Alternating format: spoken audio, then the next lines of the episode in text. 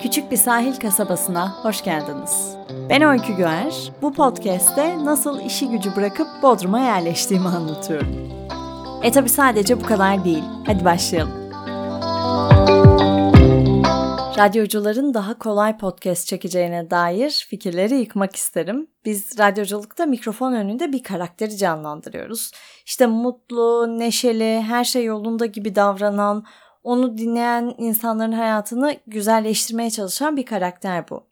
Mikrofon başına geçtiğimde büründüğüm bu karakterden sıyrılıp bu sefer mikrofon önünde kendimi olduğum gibi yansıtmak hiç kolay değil.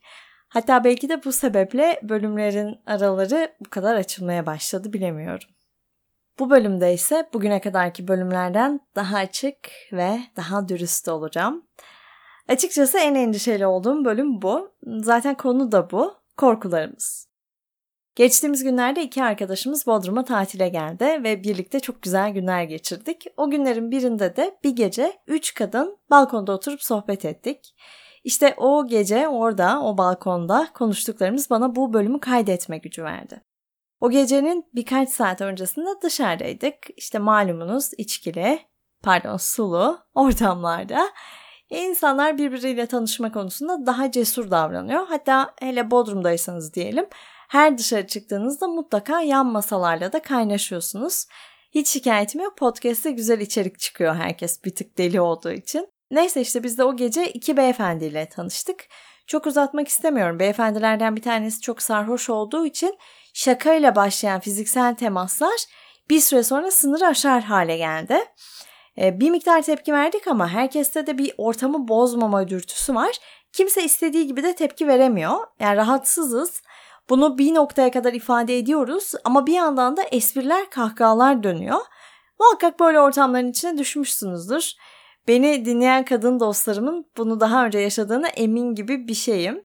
Ee, en sonunda biz o dört kişi o çocukların yanından resmen koşarak uzaklaştık.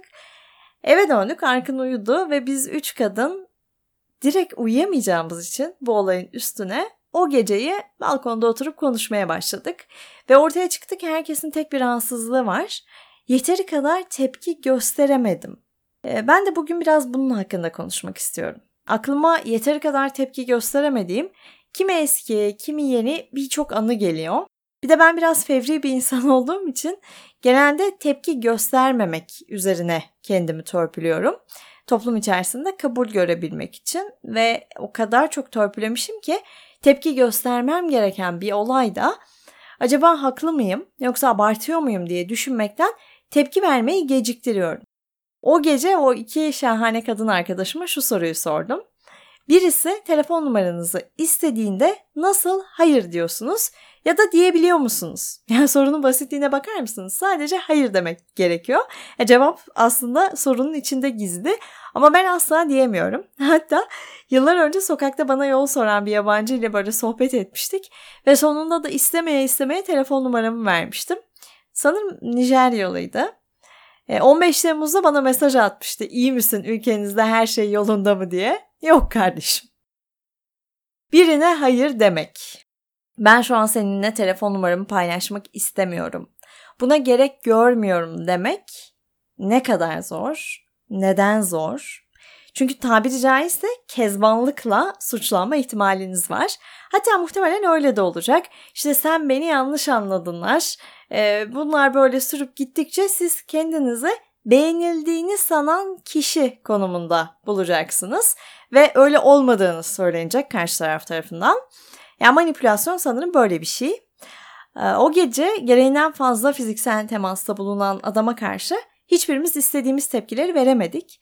Ama üç kadın o balkonda konuşurken konu eski olaylardan açıldıktan sonra bugüne bakıp dedik ki geçmişe göre aslında çok daha bilinçliyim. Kendimi korumayı başardım ve az da olsa, geç de olsa bir tepki verdim. Bu yüzden kendimi tebrik ediyorum.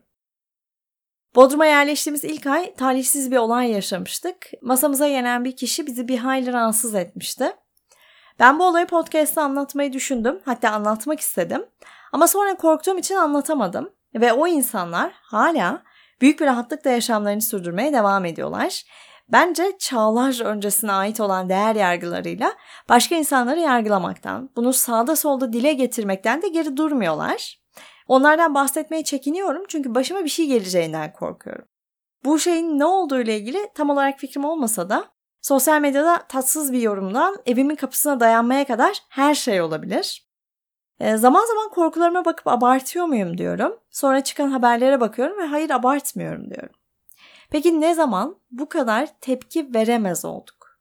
Onaylanmayan bir gruba ait olduğumuz meydanlarda yüzümüze vurulduğundan beri mi? Adaletin yerini bulduğu anlara şaşırıp adalet beklemeyi bırakmadığımız ama her defasında umutsuzlukla karşılaştığımız anlarda mı? Ne zamandır hiç tepki vermiyoruz? Ağzımıza almaya çekineceğimiz, kendimize yakıştıramayacağımız kelimelerle yaftalandığımızda bile. Şunu yapmayı öğrendim yıllar içerisinde. Beni rahatsız eden bu insanla aynı noktada değilim. Benim gibi düşünmüyor. Bu onunla ilgili bir problem. Bunu demeyi çoğunlukla öğrendim. Ve sanırım bugünlerde de hakkımızda söylenenlere bakıp öyle düşünüyoruz. Bunu hak etmediğimize eminiz. Nasıl bu kadar hadsiz olunabildiğini hayret ediyor. Ama bir yandan da giderek dozunu artıran bu davranışlara fark etmeden alışıyoruz. Artık Bodrum'da yaşıyoruz ya dedim ki e, işte bundan sonra gittiğim mekanlar hakkında görüşlerimi yazayım. E, bir hafta 10 günlüğüne tatile gelen insanlar bir gecelerini olumsuz bir deneyim yaşayacakları mekanlarda geçirdiklerinde çoktan fazla üzülebilirler. E ben zaten tam zamanlı olarak buradayım. En azından bir faydam, bir yorumum olsun diye düşündüm. İşte TripAdvisor'dan, Google yorumlardan yazabilirim dedim. Ama Google yorumlarda ilk şundan endişe ettim. İsmim görünecek. Onu kapatmanın bir yöntemi vardır belki ya da sırf bu iş için bir hesap açabilirim. Ama en kolay yoldan halletmek istesem karşıma ismim görünecek endişesi çıkıyor. Eğer bir yer hakkında olumsuz bir şey yazarsam ismim görüneceği için beni bulabilirler. Yani diyebiliyor musunuz hayır böyle olmaz diye. Geçtiğimiz günlerde kuaföre gittim ve aldığım hizmetten memnun kalmadım. Temel sorunlardan biri çalışanların bir kısmının ne İngilizce ne Türkçe biliyor olması. Dolayısıyla hiç anlaşamamak ve sonucun istediğim gibi olmamasıydı. E, yabancı uyruklu birinin Türkiye'de olması, çalışması hakkında bir eleştiri değil bu. Hiç öyle bir şey yapacak bir insan değilim. Lütfen yanlış anlaşılmasın. Sadece ortak bir dilde buluşamadığımız birine kendini emanet etmek ve korkunç sonuçlarla karşılaşmak. E, o kadar sinirim bozuldu ki kimseye de bir şey diyemiyorum. Oturduğum yerde sessizce ağlamaya başladım. Şimdi normalde fevriyim ya. Bir çıkış yapsam haksız mı olurum diyorum kendime. Kimsenin işine, emeğine saygısızlık etmek istemiyorum. Bir yandan kendimi çok bastırılmış hissediyorum. Duygularımın, tepkilerimin abartı olduğunu düşünüyorum. Ama bir yandan tepki vermek istiyorum. Ve o kadar çaresiz ve kendimi ifade edemez bir haldeyim ki oturup ağlamaya başlıyorum. Sonra biraz toparlandım. Dedim ki ben bu olumsuz deneyimimi yorum olarak yazayım. Yani çünkü kimseyle böyle karşı karşıya gelip konuşabilecek bir halde de değilim. Zaten bu işe başlamak gibi de bir niyetim vardı. Ee, tabii ki ilk aklıma gelen ismimin görünecek olması. Ee, ama korkularımın üzerine gittim. Dedim ki burası demokratik bir ülke, dağ başı değil. Benim yorumum da asla bir hakaret içermeyecek. Sence olumsuz bir deneyimden bahsedeceğim. Şimdi oturduğum yerde yorumumu yazdım, paylaştım. İşlem bitti ödeme yapmak için kasaya geçtim. Karşımda bir adam dikiliyor. Sosyal medyada yazdıklarım için hesap sormaya gelmiş. Hanımefendi öyle bir şey yazamazsınız. Siz olayları gerçek bir şekilde yansıtmadınız. Olayı büyüttünüz. Ben sizi bir daha dükkanıma almayacağım diyor. Hay hay beyefendi. Beni bir daha dükkanınıza almayın. E, ama acaba şu an sosyal medyada herhangi bir hakaret içermeden yazdığım yorumum için fiziksel olarak karşıma geçmiş. Bana hesap soruyor olabilir misiniz? Hani şu benim içten içe olmasından korktuğum şey. Dağ başıma burası ya olmaz dediğim şey. E adam karşıma dikilmiş fiziksel üstünlüğünü kullanarak hesap sormaktan çekinmiyor. Yorumu yazanın ben olduğumu anlamış, hesap ödemeye gelirken de benimle yüzleşmek için beklemiş. Hani beni korkutacak ki bir daha yazmayayım. Şimdi bunun ben birkaç seviye ilerisini düşünmek istemiyorum açıkçası. Ee, ben o gün orada karşıma dikilmiş o adamdan, yanında bekleyen diğer adamlardan korkup hiçbir şey demeden o kuaförden çıktım. Hatta o an o adamın böyle aniden bıçak çekmesi falan gibi e, çok absürt bir o kadar olası senaryolar bile geçti aklımdan. Kimseyi suçlamak istemiyorum tabii ki burada. Sadece korkularımdan ve ortak korkularımızdan bahsetmek istiyorum. Benim davranışım, karşı tarafın davranışı doğru veya yanlış olabilir. Yanlışlarımı da kabul ederim. Ama burada ana mevzu benim korkmuş olmam. Ve odaklanmak istediğim duygu da bu. Çünkü genellikle olayları rasyonel olarak doğru yanlış diye sınıflarken duygularımızı geri planda bırakıyoruz. Ve ben bugünden itibaren biraz daha duygularımın üzerine eğilmeye karar verdim. Şimdi bu noktada bana abartıyorsun diyenler de olacaktır. İşte tam da bu tepkiler bizi tepkisizleştiriyor. Aman yapmalar, aman bulaşmalar, aman abartmalar.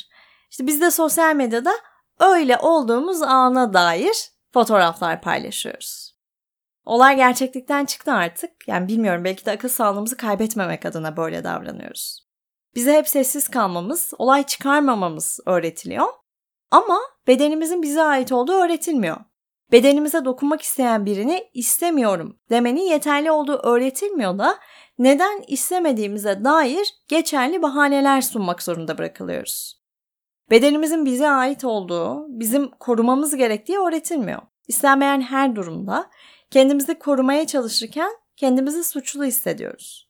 Üstelik hayır, dur, yapma demenin hatta sözlü olarak olmasa bile bunu davranışlarımızla belirtmenin de hiçbir faydası yok. O gece o sarhoş adam bize haddinden fazla fiziksel temasta bulunurken ve biz defalarca rahatsızlığımızı ifade etmişken aklımdan şunlar geçti. Hikayede cinsiyetler değişseydi, bir kadın gereğinden fazla fiziksel temasta bulunup erkek hayır deseydi toplum tarafından nasıl değerlendirilirdi? Toplum o kadını nasıl yaftalardı? E ama birçok örnekte de gördüğümüz gibi bu erkekler hayatlarına hiçbir şey olmamış gibi devam ediyor. İtibarları sarsılmıyor, yakınları onlardan uzaklaşmıyor. Bizim arkamızdan atıp tutan o adamlar hayatlarına paşalar gibi devam ediyorlar. Biz de burada kendimizi duygularımızdan dolayı suçlu hissediyoruz. Çok mu abarttım diyoruz. Ya burada tepki göstermemeliydim diyoruz. O gün o iki şahane kadınla balkonda sohbet ederken neden daha erken ve daha sert tepki vermediğimize dair uzun uzun konuştuk ve sonunda birbirimizi anladık ve birbirimizi anladıkça kendimizi affettik. Duygularımızı konuştukça, içimizi açtıkça kendimizi affetmemiz kolaylaştı. Ne enteresan değil mi yani? Kötü muamelede bile geride kalan insanın kendine kızgınlığı oluyor. Halbuki siz suçsuz olan tarafsınız. Ama yine de üç kadın bir balkonda oturuyor ve kendini haklı çıkaracak sebepler arıyor. İşte ortamı bozmak istemedik diyoruz, ayıp etmek istemedik diyoruz. Keyifli geceyi böyle bir olayla noktalamak istemedik diyoruz ve sonra aslında hepimizin aynı yollardan geçtiğini fark ediyor. Fiziksel alanlarımız işgal edile edile kendimizi ifade etmeyi öğrendiğimizi görüyor ve omzumuza bir aferin kız öpücüğü konduruyoruz. Birbirimizle konuştukça kendimizi affediyoruz. Birbirimizle konuştukça herhangi bir açıklama yapmadan bedenimizin bize ait olduğunun bilinci ve özgüveniyle hayır demeyi öğreniyoruz. Ve bunu yaparken 30'lu yaşların başında hatta ortasındayız. Yine de her şeye rağmen o gece tatilin en güzel gecelerinden biri oluyor. Her şeye rağmen yeni insanlarla tanışmayı seviyoruz. Coşkulu olmaktan, içmekten, dans etmekten, gezmekten acayip keyif alıyoruz.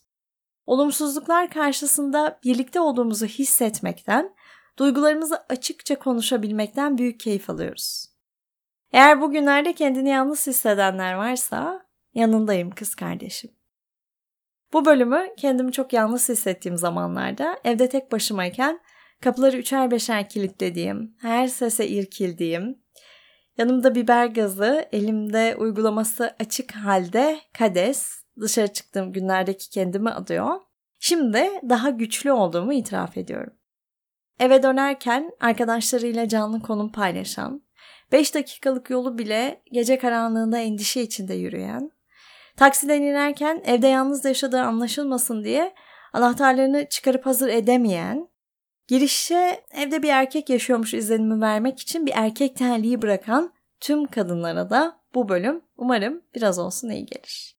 En azından korkularımızın aynı olduğunu bilmek bizi güçlendiriyor, yalnızlığımızı alıyor. İşte bu tatilde üç kadın o balkonda ben de bunu deneyimledim. Kendini güçsüz hisseden, konuşacak, paylaşacak kimseyi bulamayanlar bu bölümde umarım bir arkadaşlarıyla sohbet etmiş gibi hissetmişlerdir. Bir sonraki bölümde görüşmek üzere.